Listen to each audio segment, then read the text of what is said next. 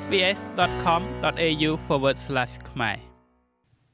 ការសិក្សាថ្មីមួយបានរកឃើញថាសម្បីតែករណីស្រាលនៃ COVID-19 ក៏អាចបណ្ដាលឲ្យខូចខួរក្បាលជាដុំកំភួនបានផងដែរ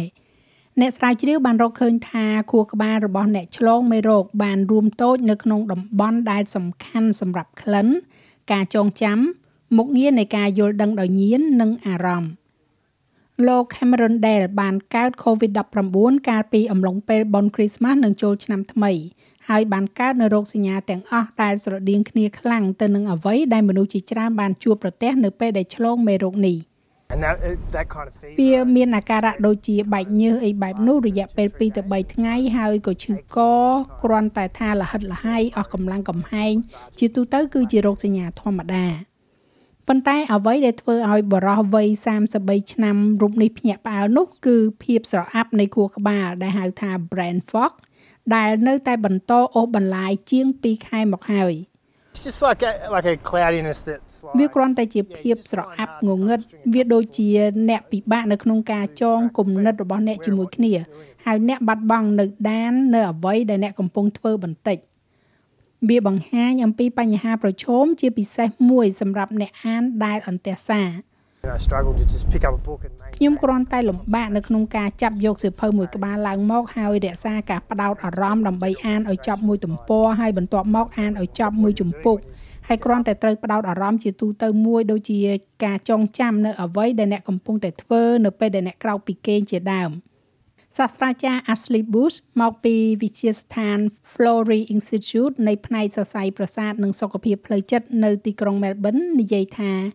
ការរកឃើញនៃការសិក្សាដំបូងគេមួយនៅក្នុងចក្រភពអង់គ្លេសបញ្ជាក់ពីអ្វីដែលមនុស្សជាច្រើនបានសង្ស័យ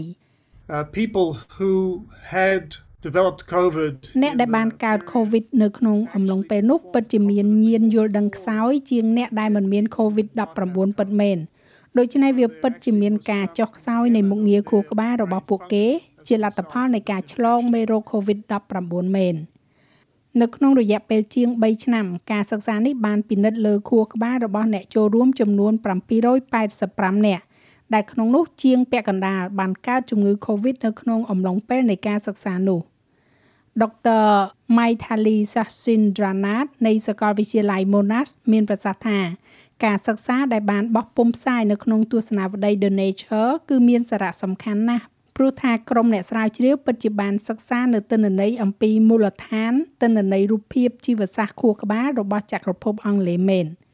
They seem to um, say that the ពួកគេហាក់ដូចជានិយាយថាចំណុចដែលរងផលប៉ះពាល់គឺតកតងទៅនឹងខៀនវិញ្ញាណដូច្នេះនោះគឺជាអារម្មណ៍នៃការទទួលក្លិន វាមានការកត់ត្រាច្បាស់ណាស់ថាការឆ្លងមេរោគ COVID-19 ភាគច្រើនចាប់ផ្ដើមដោយការបាត់បង់ក្លិននិងពេលខ្លះបាត់បង់រសជាតិពួកគេបានរកឃើញថាចំណុចទាំងនោះគឺរងផលប៉ះពាល់